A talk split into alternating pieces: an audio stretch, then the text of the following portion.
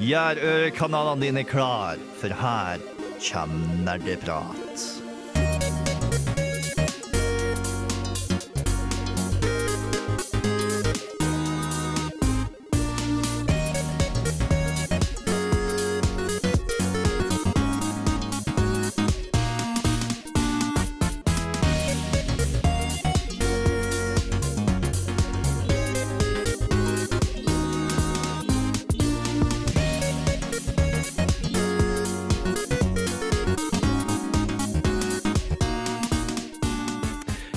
Hallo, hallo, og hjertelig velkommen til nok en episode med Nerdeprat.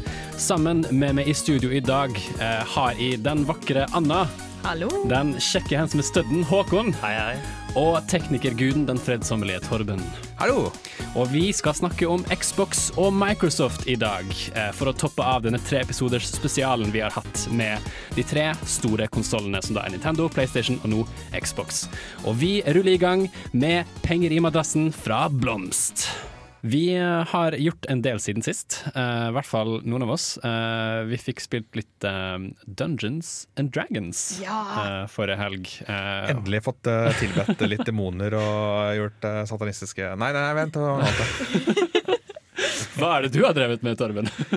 Nei, jeg bare kom til å tenke på at uh, før så trodde faktisk folk at uh, disse ungene som drev med Dungeons Dragons, det, det måtte de ikke finne på, for det var djevelens verk. Ja, uh, det er jo Akkurat litt sånn akkurat eh, som tegneseriebøker og videospill Og rockemusikk. opp gjennom tidene. Eh, Det er jo guder og demoner i DND, eh, og de dukker vel kanskje opp mer. Nå spilte vi bare én gang, så det ble jo ikke så mye rollespill eh, enda. Eh, men vi hadde det gøy, tror jeg. Det var noen artige ting som skjedde. Eh, vi holdt på å dette gjennom gulv. Eh, vi hadde også med oss Hans fra Filmof gamle Filmofil. Eh, som i dag er på Revoltmorgen, eh, for de som hører på det. eh, som var med oss. Eh, Håkon kunne ikke være med oss, dessverre. Så vi skal prøve å luke han inn til neste uke. Eh, for vi trenger en, eh, en ny nerdepratspiller til. Ja, og så var det Andreas eh, fra, fra Uillustrert vitenskap som var DM, eller Game Master, Dungeon Master. Andreas Riple. Andreas De har to Andreaser i Huillustrert. Ja. Ja, det, ja. ja, det, det, det heter nesten bare Andreas i Illustrert. Ja. Ja. Andreas og Andreas. Eh, vi kan jo si litt kort om karakterene vi spilte. Uh, hva slags karakter var du uh, i DND, Anne? Oh, herregud, jeg har flere D&D-grupper, så jeg må bare I denne sessionen her så spilte jeg en eh, oh, gud. Det var en bard. Det var en bard, Ja. ja, for det er det jeg nesten aldri har vært før. For det var så gøy Og bard er jo sånn som baserer seg veldig mye på karisma, som er en stat, og du går Mm. rundt med instrument. Eh, skjønt i dette spillet så hadde jo alle vi instrumenter fordi vi skulle være i et band. Ja, riktig. Så det var nytt, uh, nytt og gøy. Uh, min første karakter var en ranger, og bard er litt, ganske annerledes egentlig enn Mm. ranger. Så det var morsomt å få prøve seg på den klassen. Men det er riktig. Vi var i et band, ja. Vi hadde liksom startet og skulle spille for, for kongen. Eh, var da greia her. Ja. Eh, og ja, jeg hadde allerede holdt på en stund, liksom. I Ja, historien. ja, vi begynte sånn in medias res. Eh, og vi gjorde det visst OK, eh, slik jeg skjønte det. Jeg tror maskotten til eh, Torben eh, hjalp oss opp litt. Hvilken sjanger? Hvilken edition, mener du? Hvilken sjanger av musikk Ah, var bandet Ja, det var det, da. Fordi eh, vi, vi, på en måte, vi gikk ikke inn for en spesiell sjanger. Uh, dette var ting er at Folk valgte ut hvilke instrumenter de skulle ha før de kom inn, Ja. uten at de har snakket med hverandre. Oh, ja. Så det blir litt sånn ek eklektisk uh... Eh, min karakter hadde jo en sekkepipe. Og så bare, ok, Hvordan inkorporerer man sekkepipe i et band? Og kunne også spille trommer. trommer. Trommer. Sekkepipe, trommer og sånn lutt. Sånn type Skyrim, uh, oh, ja. tavern-instrument. Jeg ser for meg karakteren din som den der maskeselgeren fra Majora's Mask, som bare står med alle disse tingene med tramper med foten og men, men hva slags karakter eh, spilte du, eh, Torben? Jeg spilte en litt sånn overskytende halvelv. Mm. Halvelf, hva heter det? Halvalv. Ja. Halvalv. På godt norsk. bra, bra navn. Uh, som også er da bruker klassen eh, Hva blir det? Ranger. Ranger, Ja. ja. Som er litt på, være litt på avstand. Litt sånn uh, jegertype. Så du spilte jo i veldig sann stil med, med der du føler det best. på en måte, Litt på avstand, litt trygg. Eh, Ja, litt det, men, men overdrev eh, noen aspekter. Sånn. Nei, men, men altså, rollespilldelen var kjempegøy. Eh, når alle andre ville gå videre inn i denne hulen og finne skatter og rikdom, og du på en måte holdt det litt tilbake fordi vi hadde jo brukt opp mye av ressursene våre. Mm. Eh, og lurte på om det da var en god idé å springe rett inn i fare. Som for så vidt er et godt poeng. Som for så vidt dere andre synes det var en god idé. Og så hadde du jo denne maskoten som vi nevnte, som var Du kan jo beskrive den En giant fire beetle. Ja. Så vi valgte å kalle oss for eh, The Beatles, da. The Beatles. Ja. Og så heter han The Beatle. Ik eh, fordi at i dette universet så kjenner de ikke til andre, så det gikk Mm. greit. Og denne giant fire beetle Altså, biller er jo veldig, veldig små, sant? på størrelse med en tommel rundt der, ish. Mm. men en giant fire beetle er da på størrelse med ja, en, en hånd. Den kunne liksom stå på skulderen din. Og så kan den lyse selv. Så har det liksom uh, setter en sånn ekstra spiss på uh, bandets uh, hva skal vi si, fremføring. Ja. Ja, og var veldig nyttig når vi var nede i mørke grotter og sånn. ja. Det kan vi få bruk for videre. Uh, Sjøl så spilte de en cleric. Eh, for de som ikke vet hva det er, eh, så er det en slags eh, healer som da tilber en gud, og som da bistår gruppa i form av healing. Men så var overraskende glad i å slåss òg. Ja, de kan jo også slåss. Eh, De er, ganske, de de er på en måte ikledd mye rustning, eh, så du kan se for deg at de er liksom i tykke dresser og er veldig beskyttet. Eh, og da står der midten, i midten av gruppa ish, og bare kaster ut 'du får en heal', 'du får en heal', 'du får en heal'. All the Eh, heals. all the heals. Uh, og det funket ganske bra. Uh, er det noe spesielt minneverdig uh, vi tok med oss, noe lærdom vi tok med oss fra den sessionen? Egentlig bare lyst til å fortsette. Ja, det I can agree. Det var min, min første gang jeg har prøvd Dungeons Dragons. Uh, det, det ga meg mersmak. Eh, Lærdommen er at DND er kjempegøy, og alle burde prøve det i løpet av livet. Minst tre ganger. Jeg er helt enig. Uh, og her får du litt musikk før vi hopper over til nyheter. I Want To Tell You av Crispy. Nerdenytt. Og for nyheter i dag har vi Anna som ansvarlig. Anna, hva er det som har skjedd i verden i det siste? Nei, eh, noe jeg tenkte vi kunne starte med, det er jo at forrige uke så nevnte vi det med at Activision Blizzard har sparket 800 medarbeidere på dagen. Det gjorde de altså forrige uke. Eh, og nå er det en bransjeorganisasjon som heter Game Workers United, som har eh, kommet i gang med en underskriftskampanje eh, for å få sparket Activision Blizzard-sjefen Robert Kotick. eh, fordi de mener at denne avgjørelsen med å sparke alle medarbeiderne, den, det var bare dårlig praksis generelt. Og det er en del hundre arbeidere som kunne fått lønn for den eh, bonusen og alle de ekstrapengene som eh, denne sjefen eh, får. Nettopp. For det er en av tingene eh, Game Workers United, eller GVU, eh, kritiserte Activision Blizzard for. Det var de skyhøye honorarene til Kotick. Eh, for i 2018 for eksempel, så fikk han et eh, honorar som tilsvarer ca. 246 millioner kroner. Wow. Det er ganske mye penger. Eh, og det de sa var at dette var jo penger som kunne blitt brukt på alle de ansatte som måtte få sparken. Eh, og greia var jo at eh, Activision eh, Blizzard eh, sa at de gjorde dette fordi de hadde økonomiske bekymringer for det neste spillåret og neste kvartal, eller neste eh, veien videre, da. Men samtidig så var jo fjoråret en av de høyeste rekordomsetningene de hadde hatt. Så ja. Rart da, at de ikke hadde så mye eh, selvtillit. Kan det tyde på at de har en dårlig lineup? eh, av noe slag? De, ja. eh, Activision Blizzard la jo også ned på at mye av satsingen deres på Heroes of the Storm Mm. nå nylig. Yes. Hvor de hadde alt dette e-sport-teamet og sånt. Nei, nå, nå satser vi ikke noe mer på det. liksom.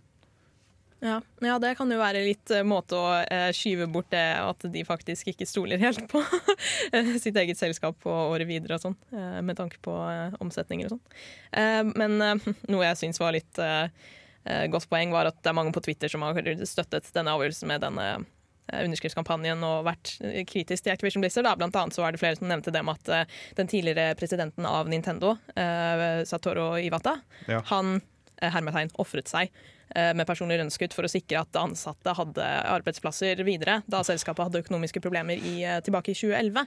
VU-perioden. Ja, den Så litt tok han, mørkere. Så tok han kutt i sin egen lønn, ja. Det, det er så japansk kultur òg. Ja. Den der samuraikulturen. eh, en. Men også en veldig viktig lederegenskap, da. Å, og prøve å, å gjøre til norm. Iwata er sitert eh, på at eh, han mente at eh, arbeidere som frykter å bli sagt opp, eh, kan har ikke den tryggheten man trenger for å kunne lage virkelig eh, Mm. bra sp spillopplevelser. For da bekymrer de seg for mye om det enn en faktisk å produsere. Ja. Ja. Så frykt kan bare virke som en god motivator i visse tilfeller, og ikke Mm. over lang tid. Eh, Men i hvert fall, den underskriftskampanjen har så langt eh, 6293 av 7000 eh, nødvendige underskrifter. Sjekket i stad. Så de ja, begynner å nærme seg målet sitt. Jeg håper at det kan bli gjort noe med den dårlige praksisen der.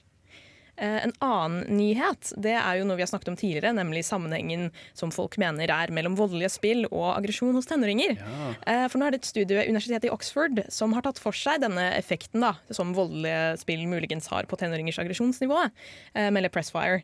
Eh, Totalt så deltok 2008 ungdommer på en alder mellom 14 og 15 år, eh, i tillegg til deres foresatte, som ble brukt som informanter i forhold til eh, at ikke bare det var selvrapportering av aggresjonsnivå fra ungdommene, men rapporteringer fra foreldrene om barnas okay. aggresjonsnivå.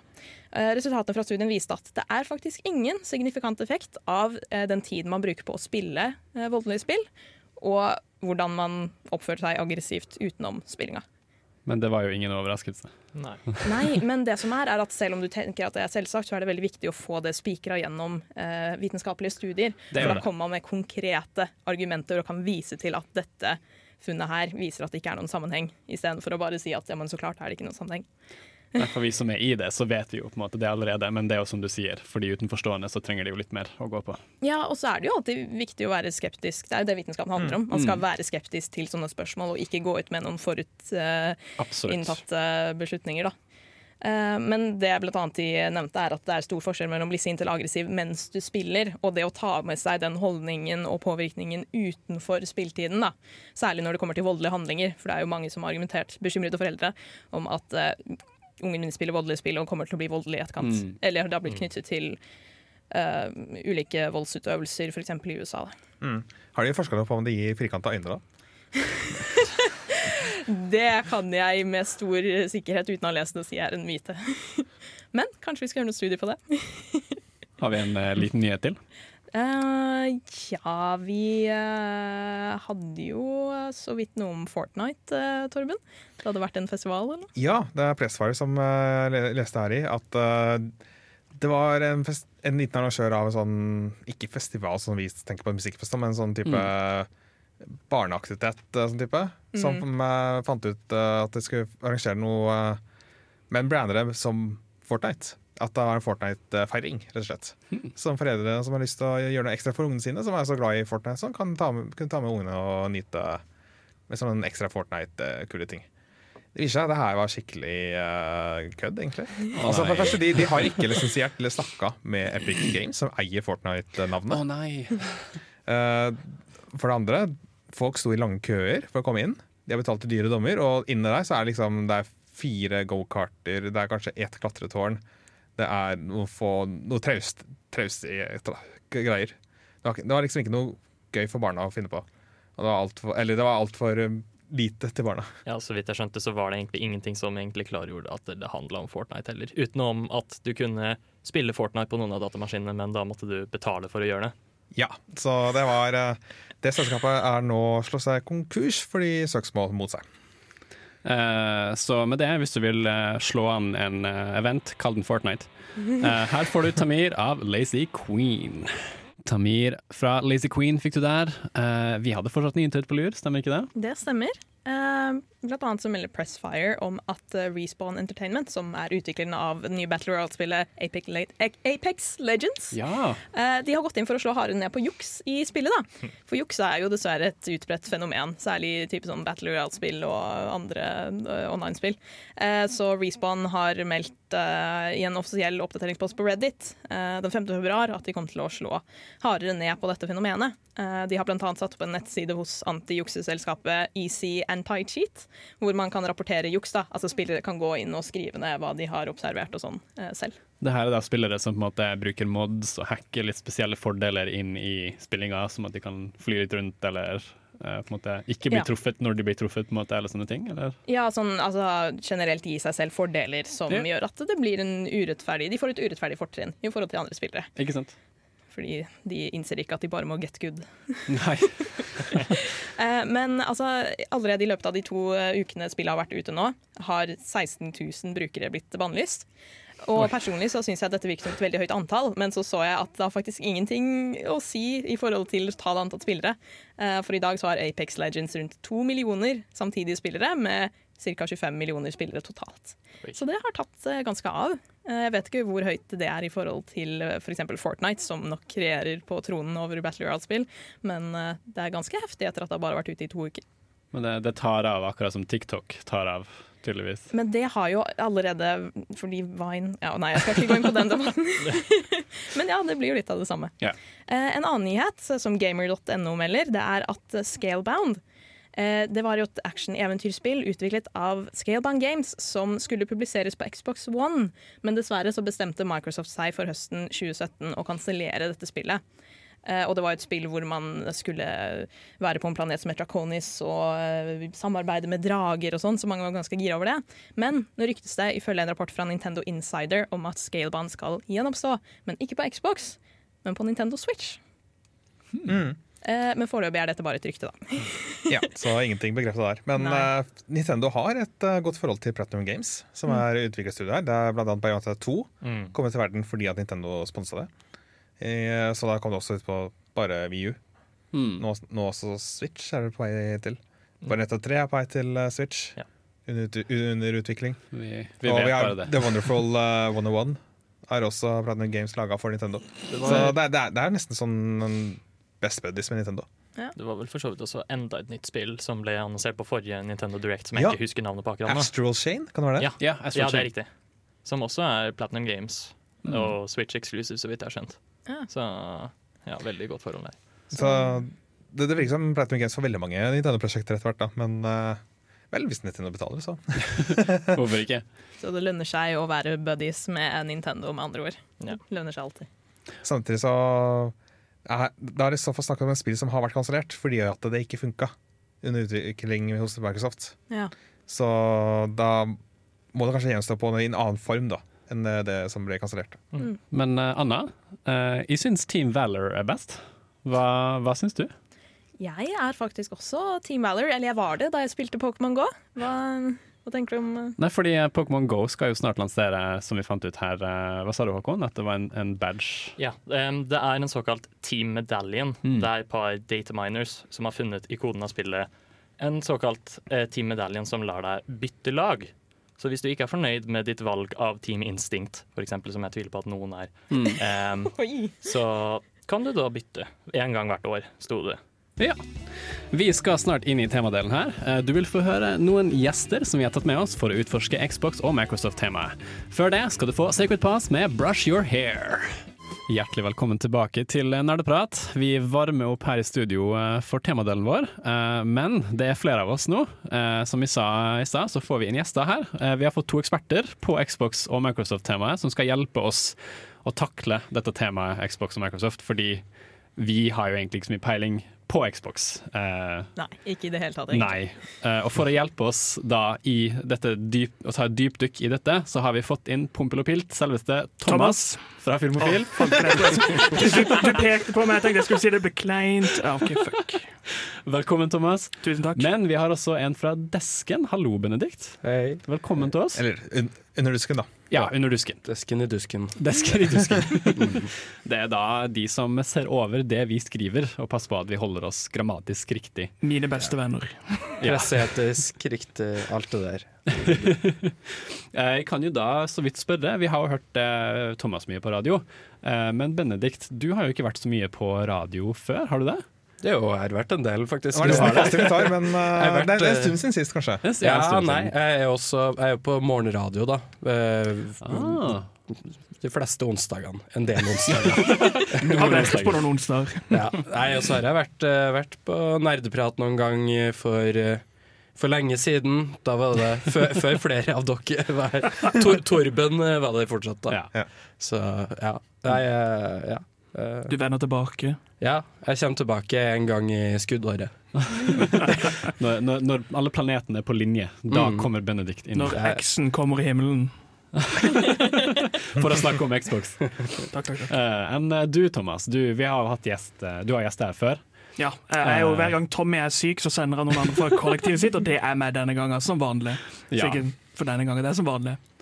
Eh, Fordi til vanlig så kan man høre det på Du kan Filmofil. høre meg om et par timer til på Filmofil. På torsdag. Beste dagen å høre på radio.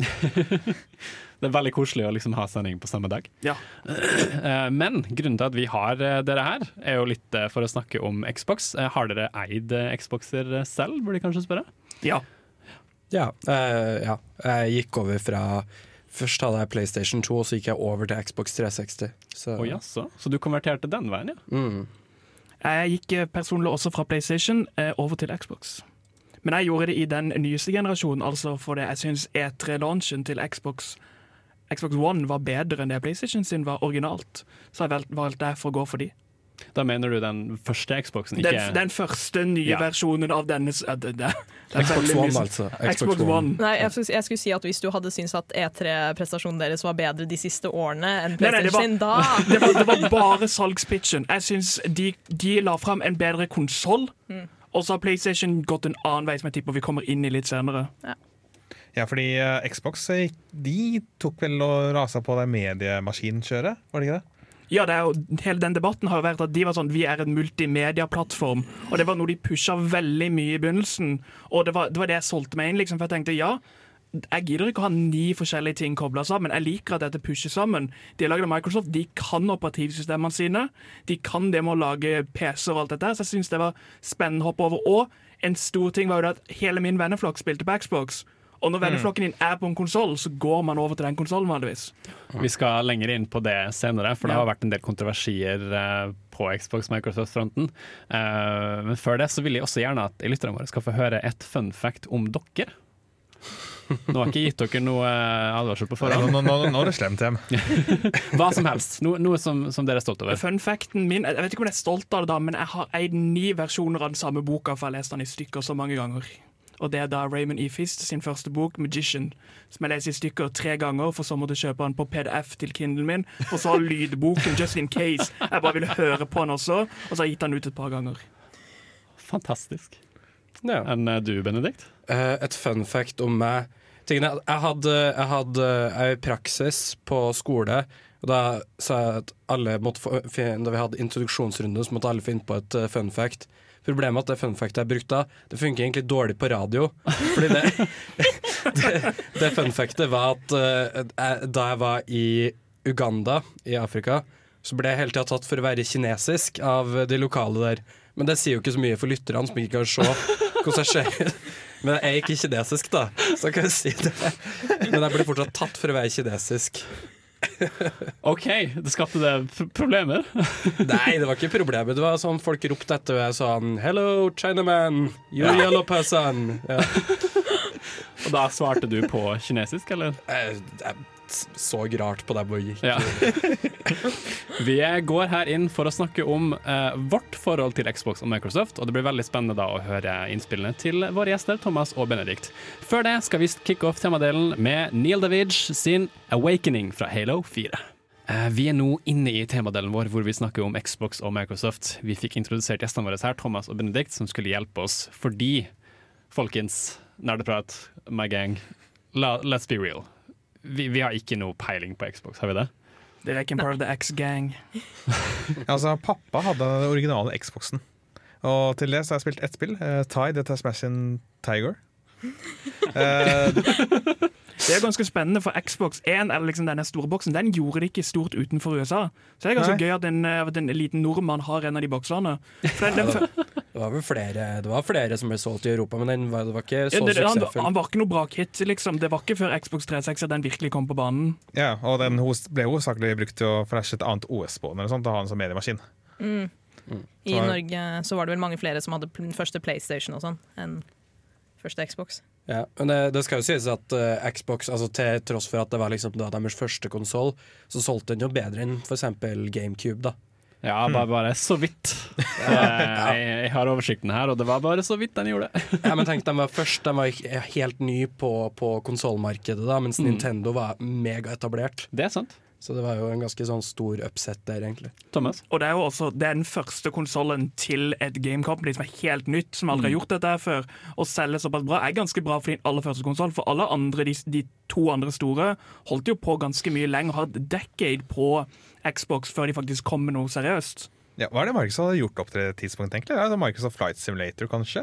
Litt Age of Empire. Du, du ser liksom at Bill Gates var den typen som syntes sånn der eh, Dwarf Fortress og sånne skikkelig sånn tech, tunge spill er gøy. liksom. Det kan, han ser ut som en sånn fyr. Han så ikke ut som en sånn grafikkhore, for å si det sånn.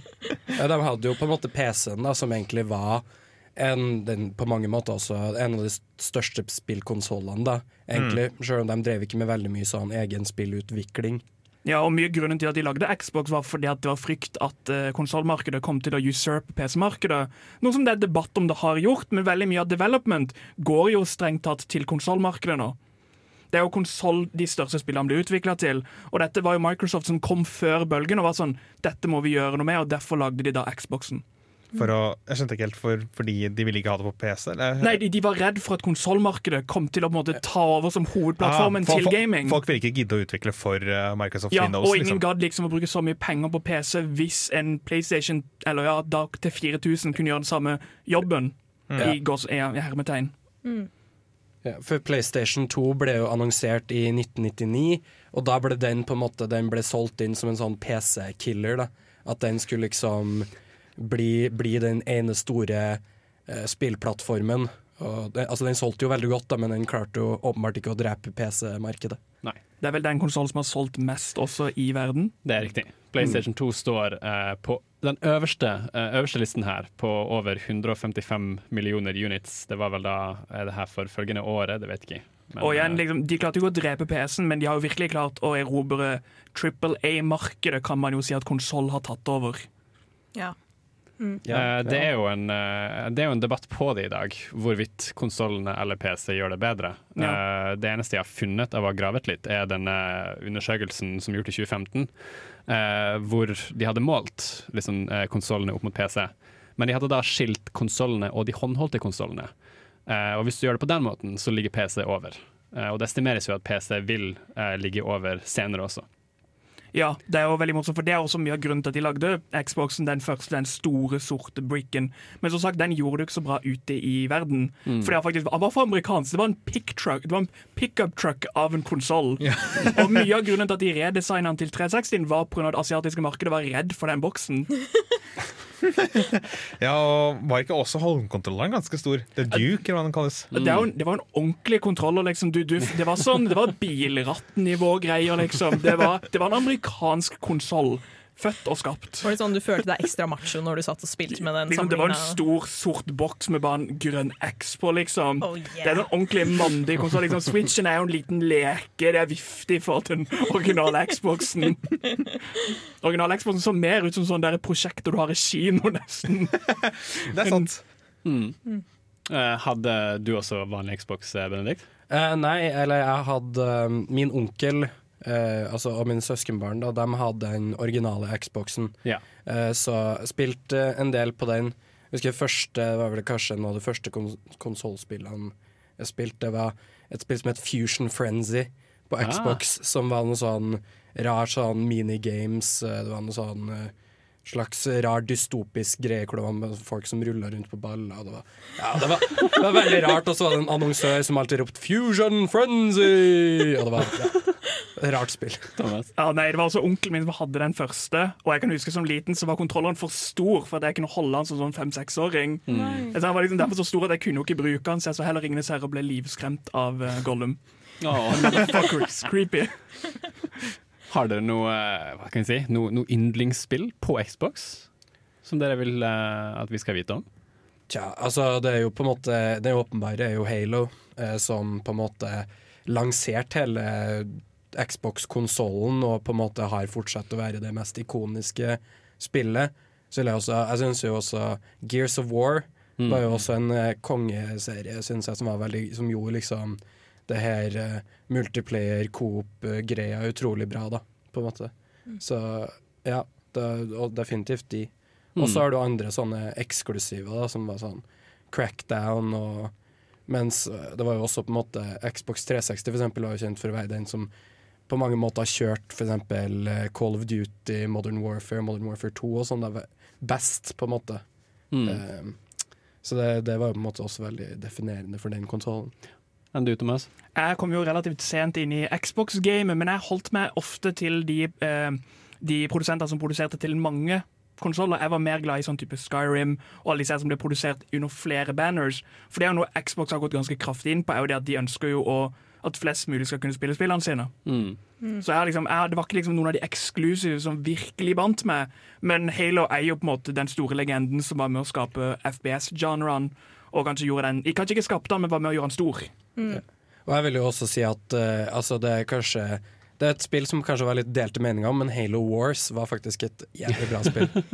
Det blir mer Halo og Xbox her på Nerdeprat. Før det skal du få This Is The End av Boats. Boats med This Is The End fra soundtracket til Sunset Overdrive. En låt som Håkon var veldig for å ha med. Ja. Em, jeg har jo aldri spilt Sunset Overdrive. Det er et veldig sånn underlig spill hvor på en måte folk blir gjort om til noe zombieaktige greier av energidrikk og sånt. Men, eh, Som man gjør når man ja, spiller men det har veldig kult soundtrack i hvert fall. Det er for det som skjer hvis du blir hva du spiser og du drikker Monster, antar jeg. Thomas? For Jeg hørte faktisk veldig mye positivt om Sunset og spilt bitte litt Da. det. Og det er et sånt game som er på en måte Det sovna veldig raskt. Det var ment å være en sånn ny flagship, og så bare døde den Ja. jækla raskt. Sa, sa du du sovna, eller det sovna? Det sovna. Ja, ok. Det var nei, jeg sovna, og da slutta spillindustrien å fokusere på det. var bare, Nei, Thomas vil ikke spille dette, da gidder vi ikke mer. Er det, en, er det en måte å liksom si at dette spillet ikke er så bra, egentlig? Det skal visst være veldig bra, men det er en sånn sleeper hit jeg har hørt. Jeg har hørt mye positivt om det, men det er bare sånn, det er et spill veldig få spiller. Ja, Det er ikke så mye hype, rett og slett. da. Det er, liksom, det er jo den der at sosiale medier er med å skape games, og det var et sånt game som bare sovna veldig raskt. Okay. Og skulle liksom være et av de på en måte flagshipene de sine framover. eh, som de har jo hatt problemer med å finne et ordentlig flagship. Riktig. Fordi eh, Ja, Torben?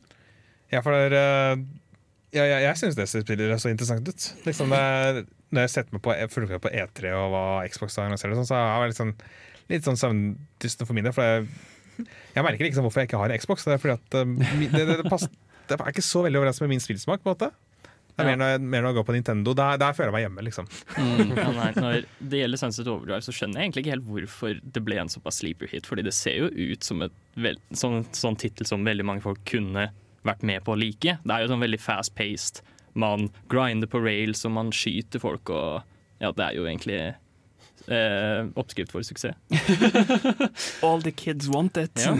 Så folkens, nå som vi snakker om Xbox og Microsoft, så er jeg litt interessert i å vite eh, hvorfor andre konsoller enn Xbox, eller vice versa. Hvorfor Xbox og ikke de andre? Thomas? Uh, der vil jeg si at ordet man leter etter, er consumer. Xbox er et mye bedre consumer-retta produkt enn det PlayStation er. Jeg føler PlayStation har vært veldig sånn Du er med oss, og vi bryr oss egentlig ikke så mye om det. 75 millioner som mister useren sine. Eh, Eller det faktum at de har vært litt sånn Vi slipper det vi vil. De hører veldig lite på audience, føler jeg. Mens Xbox har vært mye mer eh, svarende og reagerende på sitt publikum, i den forstand av backward compatibility og alle disse tingene de har kommet med her. Hva, hva med ditt personlige forhold, liksom? Det er det at jeg syns kontrolleren er så mye bedre. Sånn PlayStation-kontrolleren, sånn PlayStation 2-kontrolleren som jeg kom fra, var en ordentlig dårlig kontroller. Så i forhold til Xbox-kontrolleren, ja, den første var jo et ratt. Men ja, jeg syns de har den perfekte kontrolleren. Og en av de store problemstillingene folk hadde med kontroller, er at det er for få knapper. Sånn som Witcher skal du egentlig ha 95 knapper for å kunne spille. Og det har man ikke på en, en sånn joke, da. Men uh, det har man ikke på en konsoll.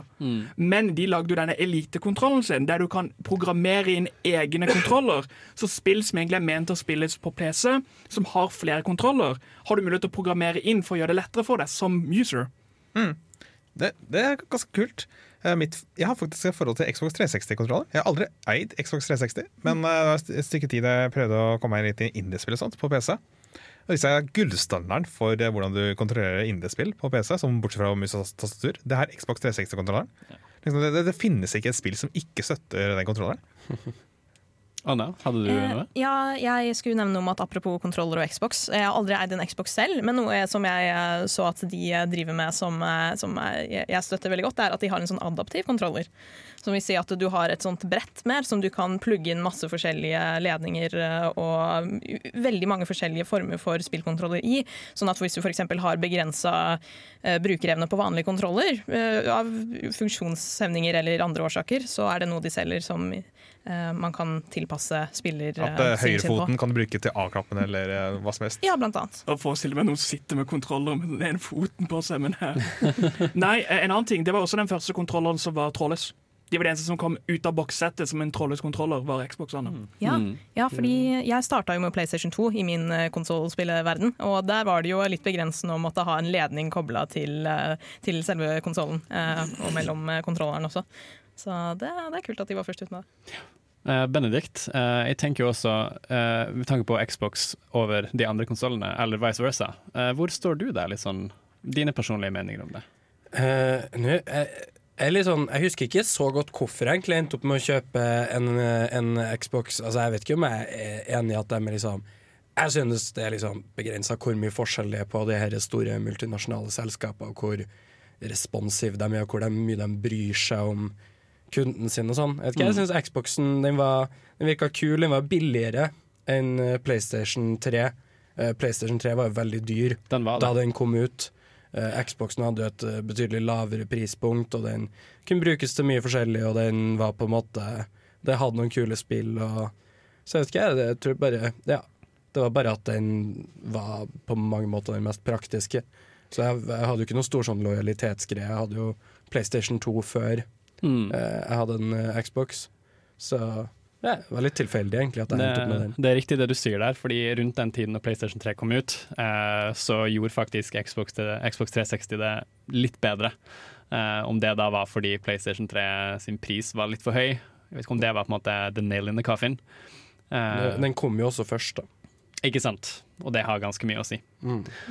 Vi, eh, Var det noe mer, eh, Thomas? Hadde hånd oppe? Nei, det var egentlig bare å spørre raskt. Jeg, Jeg syns Xbox 360-kontrolleren var bedre enn PlayStation 2-kontrolleren.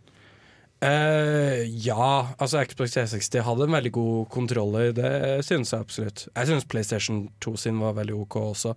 Men ja, det er også som Torben sier, at du, den Xbox 360-kontrolleren Den kan du fortsatt bruke på PC-spill og sånn, og den er mye bedre enn mange andre sånn eh, kom kommersielt tilgjengelige, mod- mer nyere kontroller, synes jeg.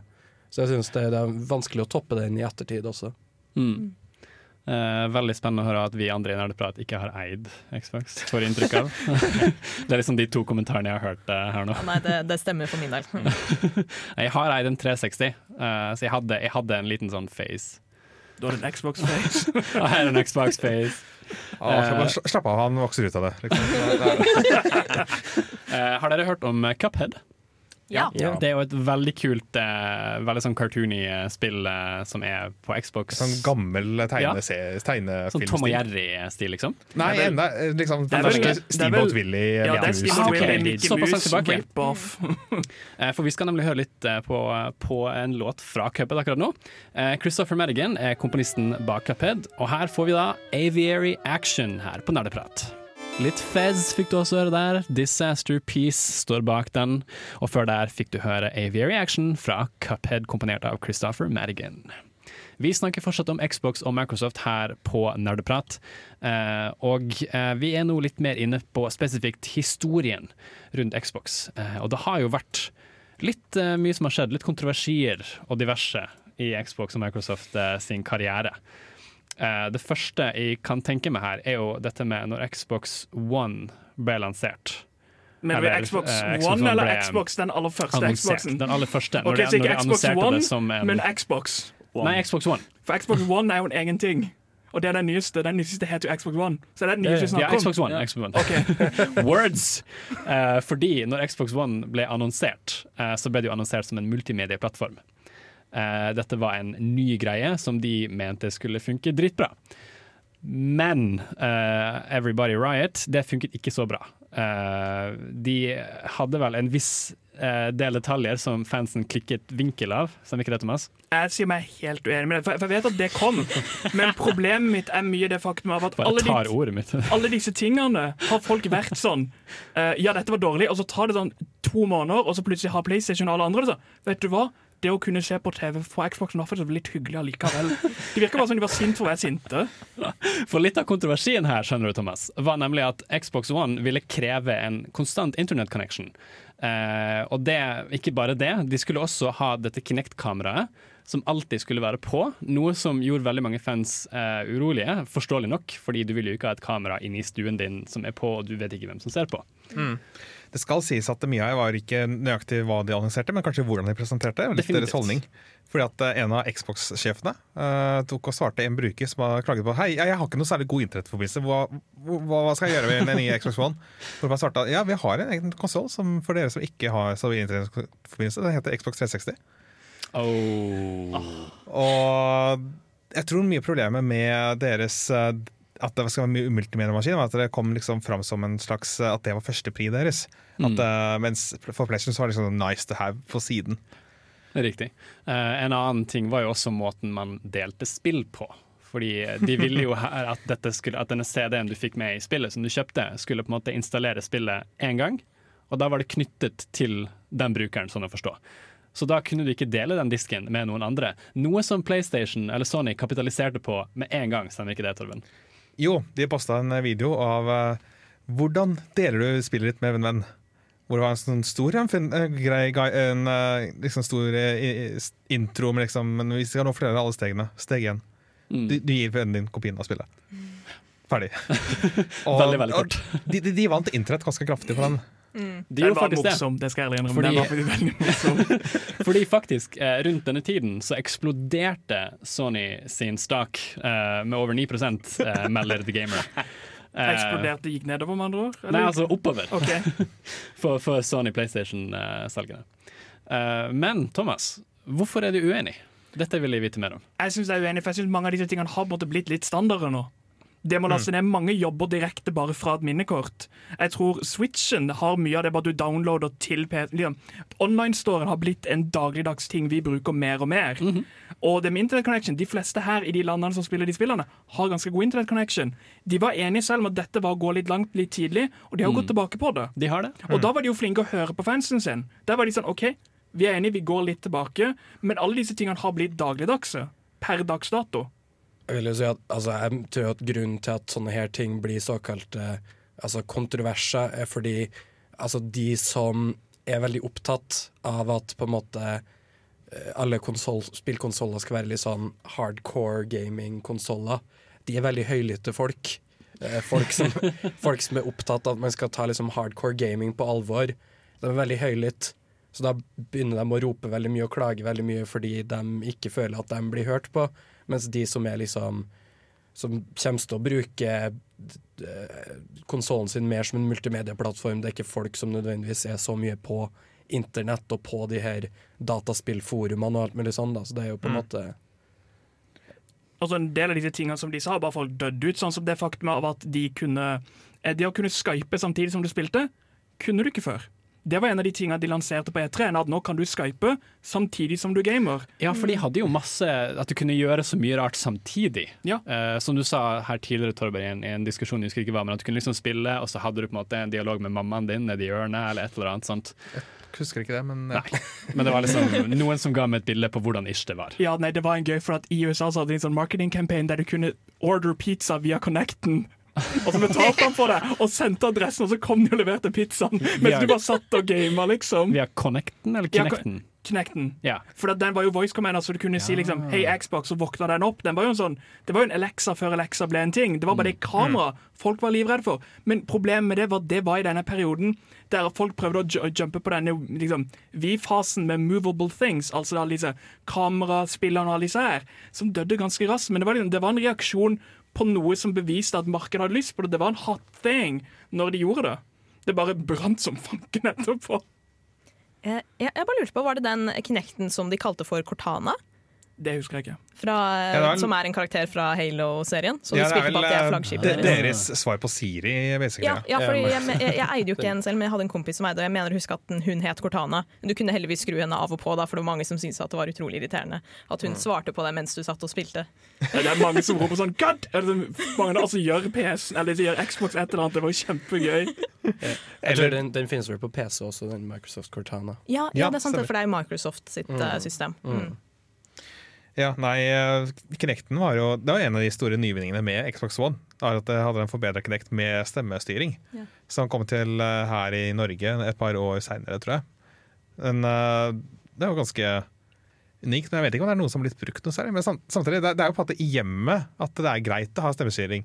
Det, er, det er ikke noe du føler å gjøre på bussen med telefonen. Den døde med en gang ut fordi at folk var så livredde for det kameraet. Så den ble jo disconnecta nesten sånn i løpet av ett eller to år. Den var veldig raskt å bli kastet ut. Og det, det synes jeg var litt trist, for det var mange kule effekter som ble kasta ut der. Det har kommet tilbake, for nå kan du koble Xboxen din opp mot Alexa og alle disse home-systemene. Så det har kommet tilbake, men det, er det, det var det kameraet folk ikke ville ha, og det var de ganske raske på å kutte. Ja, altså, men nå skal det jo sies at du har jo typ sånn Google Alexa og sånne som alltid driver og lytter på alt som skjer og sånn, så det er jo Altså, de tingene her, det kommer på en måte inn i huset uansett, da. Men jeg tror at stemmestyring, jeg vet ikke, kommer Jeg føler ikke det er noe stor framtid for det generelt. Jeg har ikke lyst til å bruke det i det hele tatt. Lite En av de gøyeste tingene var å spille Skyrim med det. For da kunne du si nå, for, liksom, Du kunne si ordene, og så gjorde han effekten på TV. Eneste problem var at han ikke hørte det alltid, så det var sånn at du skrek mot TV ganske lenge. Men det var veldig kult at du kunne gjøre spesielt i Skyrim, som var et sånn game rundt om den dialogen. Mm. Eh, apropos Skyrim. Eh, en av de, gangene, de få gangene jeg skulle ønske jeg hadde hatt Xbox, var i forhold til Skyrim. Fordi på PlayStation så fant jeg ut etter at jeg kjøpte at du ble veldig begrensa i forhold til mods, og Microsoft og Xbox hadde ikke den samme begrensningen. Så der kan jeg kanskje innrømme at det hadde vært bedre å ha en Xbox. Det blir eh, mer Xbox, og vi har fortsatt noen spennende temaer og diskusjoner å ta. Eh, Men før det skal vi høre litt på Ori and the Blind Forest. Her får du Gareth Coker sin Light of Nibel på Nerdeprat. Light of Nibel fra det nydelige Ori and the Blind Forest. Soundtracket fikk du der, komponert av selveste Gareth Coker. Om vi sa det riktig. Beklager, Gareth. Vi snakker her om Xbox og Microsoft, og vi, det er heftige diskusjoner i pausen her. Altså. Vi må liksom holde de nede for bare spare til lufta, spare til lufta. Uh, og det første jeg tenker her nå når vi snakker om Xbox, for å bygge litt på det tidligere De har jo en konsoll, og de har PC, altså Microsoft. Eh, hvis alle spillene de har, finnes på Microsoft, hvorfor skal Eller Windows, da. Ja, på Windows. Hvorfor skal vi da egentlig kjøpe konsollen? Thomas? Eh, hei, folkens. Nei, eh, jeg syns det er et veldig bra debatt, men det er et mer teoretisk spørsmål enn det er en praktisk problemstilling. For jeg tenker Dette er et spørsmål som folk er sånn Ja, hvorfor skal jeg gidde å gjøre det? Personlig så eier jeg en ganske kraftig PC, jeg har en 1080 inni, og vennene mine hater meg alltid, for jeg setter meg heller i stua på en god sofa med en kontroller og lener meg tilbake og bare chillespiller. Det er sånn mesteparten av min gaming har foregått. Yeah. Det er sånn jeg gjør. Og den andre tingen er, du kan jo fortsette på samme f eh, game. Så du kan spille det på Xboxen, og så kan du gå over på PC-en hvis du er på rundtur, hvis du er på reise. Så kan du fortsette der du var, istedenfor å måtte pakke med deg en PC, nei, en Xbox, en skjerm, kontroller, strøm, alt dette der. Så kan du bare ta med deg samme fil videre, og fortsette på et annet sted. Men blir det ikke mye penger å investere i begge deler, da? Ja, men de eier begge deler. Ja, men Hvis du som, som bruker må, må Ja, skaffe men da, begge deler? Du trenger jo ikke Ingen sier du må dette her. Mm. Ingen sier du må ha en PC for å kunne unlocke denne delen av spillet. De sier bare du har muligheten hvis du vil. Jeg skal også bare kaste inn hvem er og si at man ikke kan ha en komfortabel sofaopplevelse med en PC også. Har du prøvd å spille med tastatur og mus i en sofa? Ja, men jeg tenker Du har jo eh, Xbox-kontroller som er kompatible med eh, PC. Så du kan jo veldig lett bare plugge inn en kontroller og få akkurat den samme feelingen. Ja, men igjen, hvis du skal ha den PC, så vil du helst ha tastaturfilen. Og det med sofafilen. Jeg, jeg blander ikke min gaming station, som er en romting, til Xbox, som er en felles romting. Det er to ting som holder separate. Separate my gaming man. Benedikt vil jeg skyte inn her. Ja, altså, jeg, vil, jeg vil jo si at det er på en måte Eller det er jo altså, hva, Om det gir hva som er best businessmessig, det er på en måte litt uh, irrelevant, tenker jeg, da, fordi det, på en måte, det kan de finne ut av. Men jeg syns jo det er veldig bra, fordi jeg har ikke kjøpt noen konsoll fra den nyeste generasjonen, og jeg har ikke tenkt å kjøpe noen konsoll fra den nyeste generasjonen. Jeg spiller bare på PC, så da synes jeg det er kjempebra at eh, Microsoft gjør flere spill tilgjengelig. Jeg skulle, altså jeg skulle ønske Sony gjorde det istedenfor å prøve å ha alt desperat på sin egen plattform. Jeg tror at PC-gaming generelt er mye mer framtida, og at eh, konsoller etter hvert kommer til å dø mer ut. Mm. Det er jo det som eh, statistikken så vidt begynner å peke til, Mm. med tanke på konsoll versus PC. Ja, og det er den der Jeg, jeg personlig foretrekker å game i stua. Ja, jeg kan bære ut PC-en, men det er veldig mye hassle bare for å kunne spille noen få spill. Når jeg bruker PC-en min for det meste til arbeidsrelaterte saker. Ja. Og da kan jeg splitte de tingene. Og det er veldig irriterende å sitte to personer på samme pult og prøve å spille sammen. Den der, Å spille sammen med folk på sofaen er jo en egen ting som liksom, folk fortsatt setter mye pris på. Og det der med at du kan spille på PC, det er bare en god ting for meg. For da kan du, som du sier, du kan spille de eh, konsolleksklusive gamene. Men du trenger ikke å måtte bruke 4000 eller 3000 på en konsoll du skal bruke på ett game. God of War. Eh, Så når vi snakket om PlayStation, så tråkker vi jo fram i forrige sending at de, de har mye eksklusiver, og det er bra, men du mener at det beste er å ha sånn krysskompatibilitet? eh. Jeg synes personlig, for som, som en konsumer så kan jeg nå velge hvor vil jeg spille spillet mitt. Jeg kan velge hvor har jeg lyst til å spille, istedenfor nei, du må kjøpe denne tingen alene. Du må, du må sette inn 3000-4000 alene for å få tilgang til seks andre spill som ikke finnes her borte, bare for at vi skal låse deg inn i et system. Som du PS må, betale, må du betale for internett hele tida uansett. Ja, fordi, og, det, og det er jeg helt enig i. Jeg skjønner ikke hvorfor folk sier at ja, det er positivt fordi de har skaffa seg masse exclusives og sånn. Det er jo ikke positivt for deg som kunde som er nødt til å kjøpe en egen boks bare for å spille de fem-seks spillene. Det er jo kjempekjipt. Altså, Ideelt sett så burde jo alt være tilgjengelig på hvilken som helst plattform. Så kan du bruke den plattformen som funker best for deg. Kan det kanskje ligge en del stolthet i hvilken konsoll man eier? Anna? Jeg skulle til å si det, fordi jeg, merker jo at for min del så blir jeg ekstra sånn stolt på en måte, på samme måte som man før hadde den PC Master Race-kulturen. Så er det sånn PlayStation har dette å vise til, hva har dere? Så det går definitivt på det der konkurranseforholdet. Ja, men det er sånn, det er igjen sånn Innenfor vennekretsen min så har ikke jeg Xbox-venner og PlayStation-venner. Jeg har, jeg, har folk som gamer. Har gamevenner. Og det er veldig trist å måtte sitte utenfor. Å ja, vil du være med på Destiny, som er et gøy spill bare når du spiller med andre? Å nei, vi spiller på to separate konsoller. Å ja, hvem er den ene som står imot? Å ja, det er Sony, for de vil ikke dele. Ja, nei, der vil jeg kaste inn for Håndkle? Tusen takk. Nei, Da det er bare, bare en ting som Xbox gjør veldig bra. Og det er jo det er for eksempel en ny greie nå at de skal samarbeide med Switch og prøve å få Xbox Live over på Switch. Ja, som vil si at man kan spille det, Xbox Live er tilgjengelig for utviklere som eh, utgir på Switch. Ja. Så de kan ha Xbox Live i spillene sine. Ja, nettopp. Så du kan få achievements, og man kan spille cross-platform og sånt. Og det er jo veldig bra initiativ. Og det er jo ikke fordi at Sony ikke kan, det er fordi at de ikke vil. Ja. Eh, Sånn som Fortnite slo de opp mot veggen og banka de og var sånn, dette gjør dere. Og de viste det gikk an å gjøre fordi at communityet er så stort og vi har lyst til å spille sammen. Om jeg legger 4000 der eller 4000 der, hva betyr det egentlig for meg? Jeg vil, jeg vil heller legge 4000 i et godt company enn en god spillutvikler. Og det er det PS har vært flinke på. De har fått tak i fantastiske studioer. Men hadde Naughty Dog plutselig forsvunnet, så hadde ikke PlayStation sittet igjen med noe sånn mye bedre enn den andre konsollen hadde hatt. ja, nei, det var vel egentlig mye av eh, det jeg skulle spørre om. At det kommer an på om du ser etter bra liksom med antall spill, eh, bibliotek du kan velge mellom, eller om det går på eh, utviklerne, som du ser på det. Men nå er det vel sånn at uh, Mike, altså alle Xbox Exclusive skal jo være tilgjengelig på PC fremover, er det ikke sånn? Så det, Mye Jeg av det. Å, gud. jeg, tror- jeg, tror jeg, tror de jeg, tror de jeg tror de har sagt nå at det er ingenting som ikke kommer, altså, som ikke kommer til å være tilgjengelig på PC også av fremtidige spill.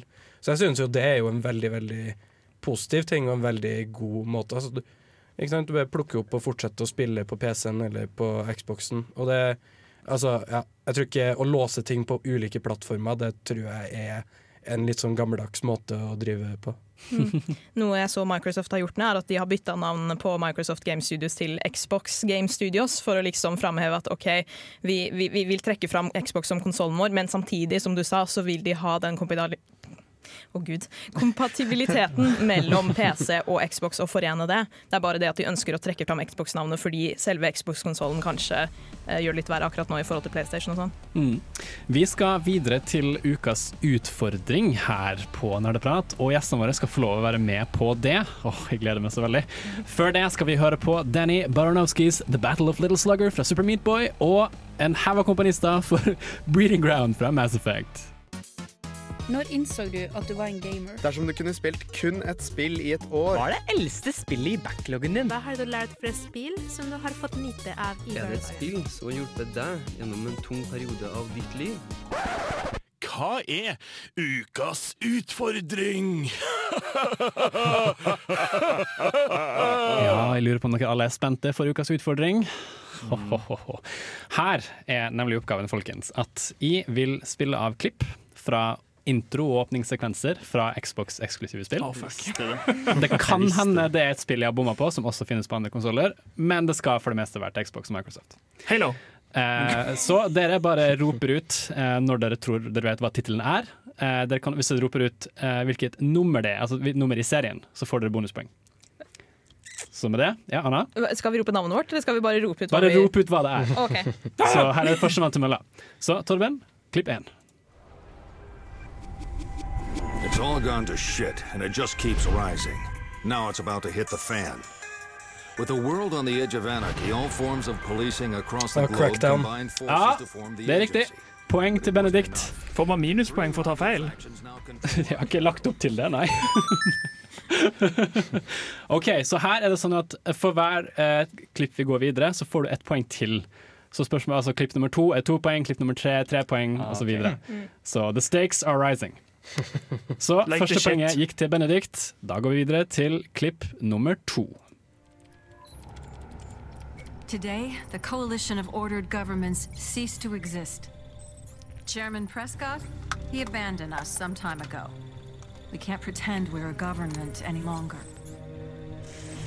It all began on E-Day, when the Locust emerged. From War. Gears of War. Oh, Håkon var først ute. Kan dere gjette hvilken tittel eller nummer Gears of War 2.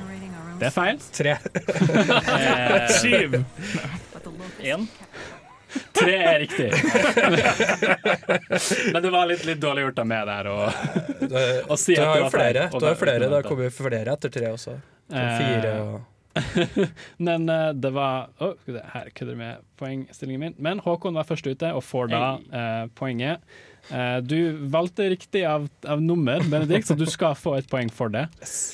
Eh, Anna hadde ikke hodetelefoner fram til nå, uh, glemte jeg helt av. Uh, så nå kan hun også være med. Jeg trengte et lite handikap. Eh, hvordan, hvordan føler dere dere? Er det varm i trøya? Er det, er det greit? Ja. Dere har peiling på, sp på klippene spiller av? Nei. Fordi Hvordan vet vi, vi? Du har jo ikke eid Xbox, uh, så det kan jo kanskje være litt verre for oss enn det er for eh, våre eksperter i feltet her, Thomas og Benedikt. Men med det, klipp nummer tre. Mass Effect. Det er riktig. Oh, damn. Er det en eksklusiv? Eh, tre? Nei, to. Det er også riktig. Ja, ja. Dette er fra Mass Effect 3. Er det en eksklusiv? Eh, det er akkurat den vi bomma på, fordi det kom vel også ut på uh, PlayStation uh, eller noe Ja, det er. PlayStation og PC.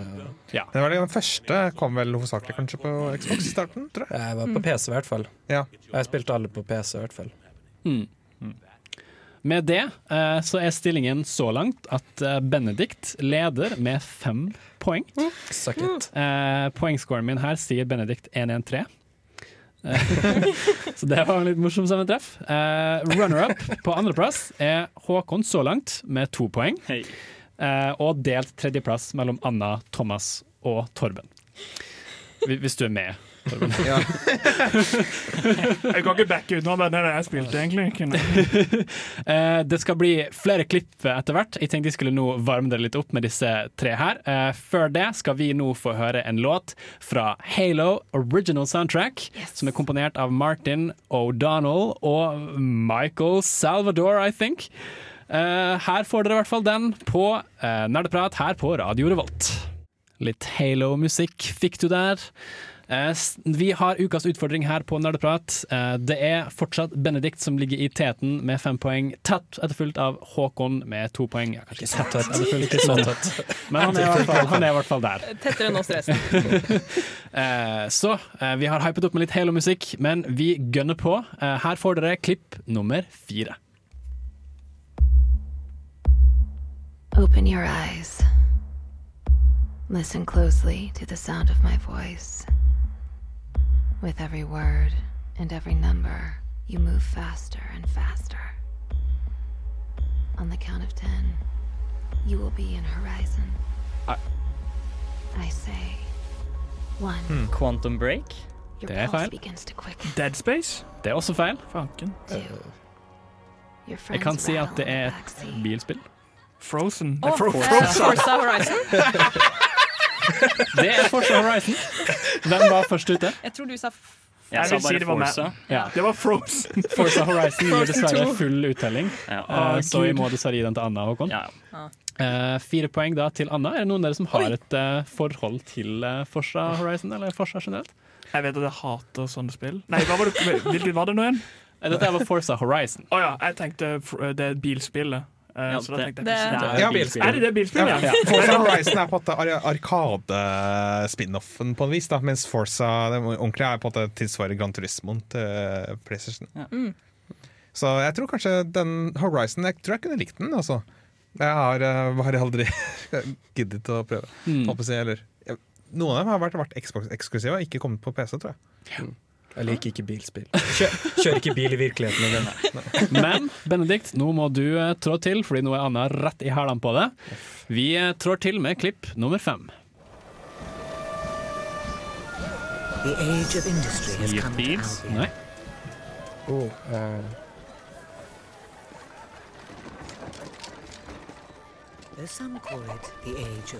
Å ja, Fable 3. Ja, det er riktig! Fem poeng til Benedikt, Yeah. som uh, tar en solid ledelse der. Fable-serien, ja. Det var jo ganske Er det ikke de som har han eh, Peter Molyneux, som Ja. var eh, veldig flink til å love ting, ikke så flink til å følge Altså, jeg elsker Fable-serien. Jeg syns det er dritbra.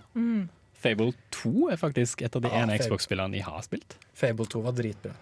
Du hadde en sånn hund eh, som kunne følge etter Ja. deg. Og... Mm. Jeg tror du kunne spekke liksom inn i evner til hunden din. eller noe sånt. Han kunne finne ting i bakken. Og det, var sånn rolle, det var rollespill, var det ikke? Jo, jo. Det var det. Var det. RPG. Det, det, det var liksom alltid sånn at du, du, du ble eldre, og det var mye sånn det var mye sånn spennende features. da At du kunne gifte deg og få deg hus. Og, Åh, Mye rart. akkurat som i virkeligheten. ja. er kanskje ikke for oss millennials, da, men uh, Nei. Få folk til å hate det hvis du gjorde hærverk i byen. Ja. Og så interagerte du med mennesker gjennom sånn emotes, basically. Så hvis du skulle, flør, hvis du skulle gifte deg med noen, da så måtte du bare bruke flørte-emoten igjen og igjen og igjen til de ble forelska. Ikke sant? Litt Litt som i. Sims når du bare Akkurat som, akkurat som i Akkurat som i virkelig. Ja. Du bare går bort og sier hei gjentatte ganger. Vi kjører på. Nå er det Hey. seks poeng for dette klippet her, så her kjører vi klipp nummer seks. Dr. Hammond, now as I understand it, Halo. the IMC's Feil. Facility here is Demeter. It's vital for travel between the core and the frontier. Er dette Quantum Break? Nei. Oh. Decades-long tensions exploded into all-out war on the frontier today. Titanfall eller noe sånt. Det er riktig! Enda et poeng til Benedikt. Eller seks poeng til til Benedikt. Eh, Benedikt har nå hele Åh, jeg kan ikke matte. 1, 1, 3, 5, 6 Benedikt har masse poeng og ligger langt i ledelsen. Men eh, det, var- vant han da på Titanfall eller på noe sånt? Det var Titanfall. Ja. Det var helt riktig. Så det, du får uttelling der. Yes, nice. Uh, Titanfall er vel et av de mer nyere spillene i Xbox sin lifespan, er det ikke det? Den er, ja, det er jo en deal med EA de hadde, og dessverre så fikk aldri Titanfall den recognition den ville, for det var et så jækla bra spill. Men de har jo nå kommet en ny Battle Royale-spill som heter så mye som et eller annet. Apex Legends. Ja. Ja, og skal vi si, fantastisk bra. Mm. Anne? Jeg skal bare si at Bendik nå har 16 poeng. Oh, yeah. Men vi andre er tett bak. Jeg er tett bak på null. Jeg tenker jeg skal ta de to siste. bare. Vel, man kan hente seg inn igjen. Jeg, jeg, jeg tenker det er sånn eh, golfregler, at jeg skal ha minst mulig poeng. eh, ja, sant. Men da må dere ha ett poeng, da. Ja, Her, her får man hele syv poeng for Fan. å svare riktig. Og husk, du får bonusuttelling for nummerering. Kjør klipp nummer syv. Halo. Halo. is accompanied by Covenant Supreme Leader Halo 2! Halo 1. Halo Reach. Halo Combat Evolved. Halo, Halo 4. Battle Wards. Halo 5. Halo 5. Det er Halo 5! Hey! Hvem, hvem var det som sa Halo først? Eh, Eller, jeg, jeg sa ikke Halo. jeg Jeg tror det er ganske likt, altså. Men vet du hva, Anna er den eneste som kan ta den igjen, så hun kan få den. Nei, det er juks. Er, er, er det unanimous? Er det enstemmig at Anna skal få det poenget? Ja, for kan interessere det. Men nå virker ikke strategien min lenger å bare si Halo, så fuck. Men dere tok den raskt, altså. Det var to Nei, sekunder. Altså, med Jeg bare sier Halo. Det er ikke noe mer raskt. Jeg bare Til slutt så må det være et jævla Halo-spill. jeg, jeg kjente igjen den måten å snakke liksom fra en speaker på sånn, i et romskip og bare OK, dette er Halo, det er romskip. Jeg likte at i den uh, åpningssekvensen der så hadde de uh, ikke, ikke Joss Whedon, skulle jeg si, men han som spilte uh, godeste Captain Reynolds i Firefly. Ja, ja, ja. Um, Eh, Nathan Fillion. Nathan Fillion. Ja. Uh, som også laget en fanfilm med Uncharted som Drake. Nathan Drake. Bare som en sånn aside, er det ikke rart at i framtida så har vi fortsatt ikke utvikla en måte å snakke på en intercom uten at det høres rart ut? Så jeg mener, vi har jo allerede Skype i virkeligheten, hvor man kan snakke som et normalt menneske. Så hvorfor høres de ut som de er med på et krigsskip fra 40-tallet? Jeg gir ordet til Håkon her, fordi Thomas har snakket ganske mye. Ja, Det er sånn at du kan vite at du snakker på intercom, tenker jeg. Ja, det er et godt poeng. Du inn på det samme? Xbox eh, får kjeft for alt nyskapende de gjør, og nå får de kjeft for at de holder seg tradisjonelle også. Men her får vi det siste klippet, som gir hele åtte poeng. Kjør klipp nummer åtte. A lot of time has passed. Quantum Break.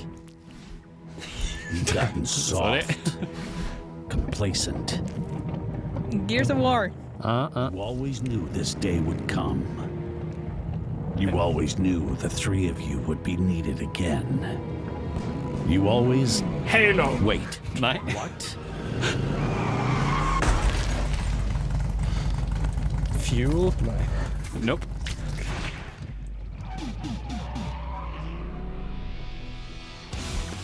Nei, dette var veldig slemt av meg, eh, for dette er et spill som ble annonsert til Xbox nå i 2019. Uh, Jeg kan røpe at det har med frosker å gjøre.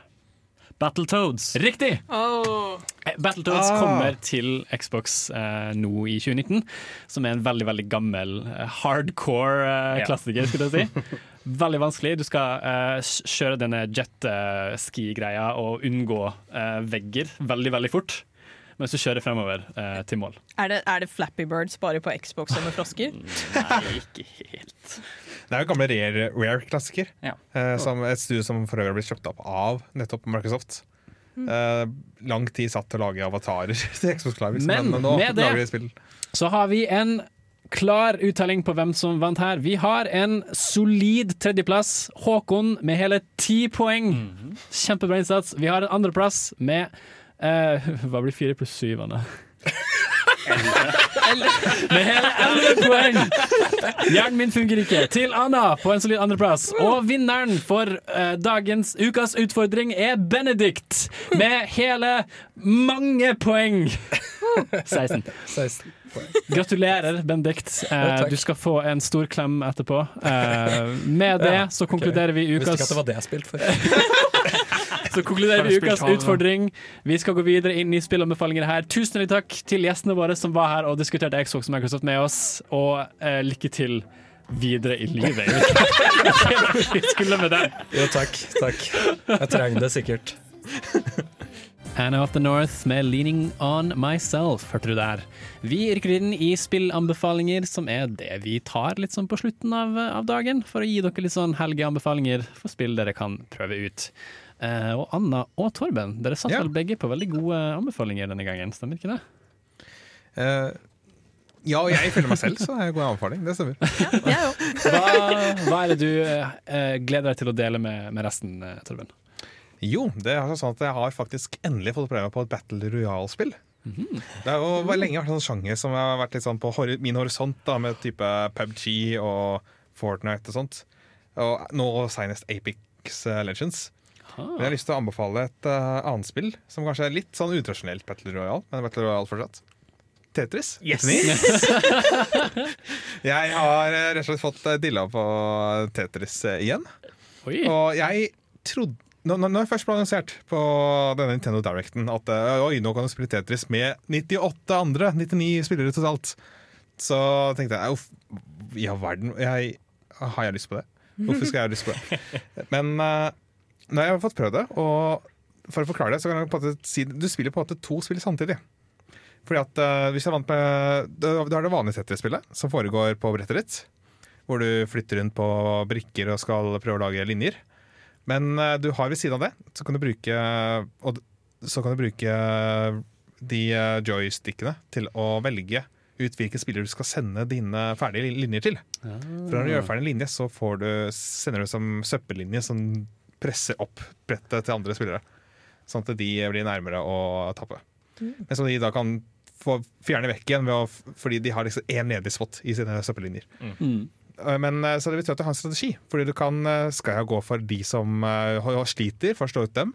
Men kanskje de da kan ha mye og brikker å sende i min retning igjen. da Så det er sånn helt metagame der. Kult. Hva med du, Anna? Du snakket jo litt om Dead Cells, gjorde du ikke det? Ja, det har jeg snakket om før. Jeg, jeg er klar over det. Men nå har jeg faktisk kommet inn i spillet. Fordi Forrige gang var det sånn å, det så kult ut, og jeg likte musikken og ja, grafikk. Mens nå har jeg faktisk satt meg inn i denne stilen som jeg med en gang ble frustrert over. Det med at når du dør, så havner du helt på starten igjen. Men det er så avhengighetsskapende. Eh, fordi eh, det er jo en eh, Dead Cells er jo en Roguelite Metrovania-type spill. Som vil si at omgivelsene endrer seg fra hver gang du spiller gjennom. Så du, har, du starter i én bane, og når du kommer gjennom døra på slutten der, så kommer det inn en ny bane. Etter at du har en sånn mellomstadie hvor du kan selge cellene du finner og alt sånt. Så kommer du inn på neste bane, og etter hvert så kan du finne nye dører, så du kommer til stadier du ikke har vært på før. Eh, og det som er det mest frustrerende, er når du ender opp med å dø på slutten, som jeg har gjort mange ganger. Jeg tror jeg kommet helt til siste bane, hvor du skal slåss mot en svær eh, ridder som beskytter kongen, eller noe sånt. Yeah. og så dør jeg, og så kommer jeg helt på starten igjen og er pissur for at jeg har mistet det beste våpenet jeg har funnet noensinne. Men så vet jeg at jeg kan finne noe like bra igjen når jeg spiller igjen neste gang. Så jeg anbefaler virkelig å, å prøve seg på Dead Cells, altså, for det gir deg utfordringer som du etter hvert bygger deg opp på, litt på samme måte som Dark Souls, sikkert. Så denne helgen så vil vi gjerne anbefale Dead Cells Yes. og Battle Royale Tetris. Med det så hører vi litt på Brenn fra Du og jeg. Vi begynner å roe oss i land her i Nerdeprat. Vi har snakket om Xbox og Microsoft i dag. Et tema som vi i Nerdeprat kan fint lite om, men som vi klarte å roe oss i land på takket være eh, hjelp fra gjestene våre. Ja, igjen tusen takk til eh, Benedikt og Thomas. De, de gjorde hovedarbeidet her i dag, altså. Det. Eh, med det, neste uke så får du heltesending, hvor eh, hvis du har savnet stemmen til Tommy, så kommer han tilbake sterkt, og vi gleder oss til å ha han tilbake igjen. Ja. Kanskje vi blir fulltallige denne gangen, eh, får vi håpe. Eh, utenom det, shout-out til eh, Sivert, eh, som har fulgt med Thomas sin mobil med svar på utfordringsdelen vår. Veldig engasjert Det, det er kult. Vi, vi liker det. Eh, kanskje, kanskje vi ser det en gang. Eh, med- det, tusen takk for oss her i dag. Eh, dette har vært Nerdeprat. Eh, takk fra Anna, Håkon, Torben og meg. God helg. God Ha det bra. Ha det bra. Du har lyttet til en podkast på Radio Revolt, studentradioen i Trondheim. Sjekk ut flere programmer på radiorevolt.no.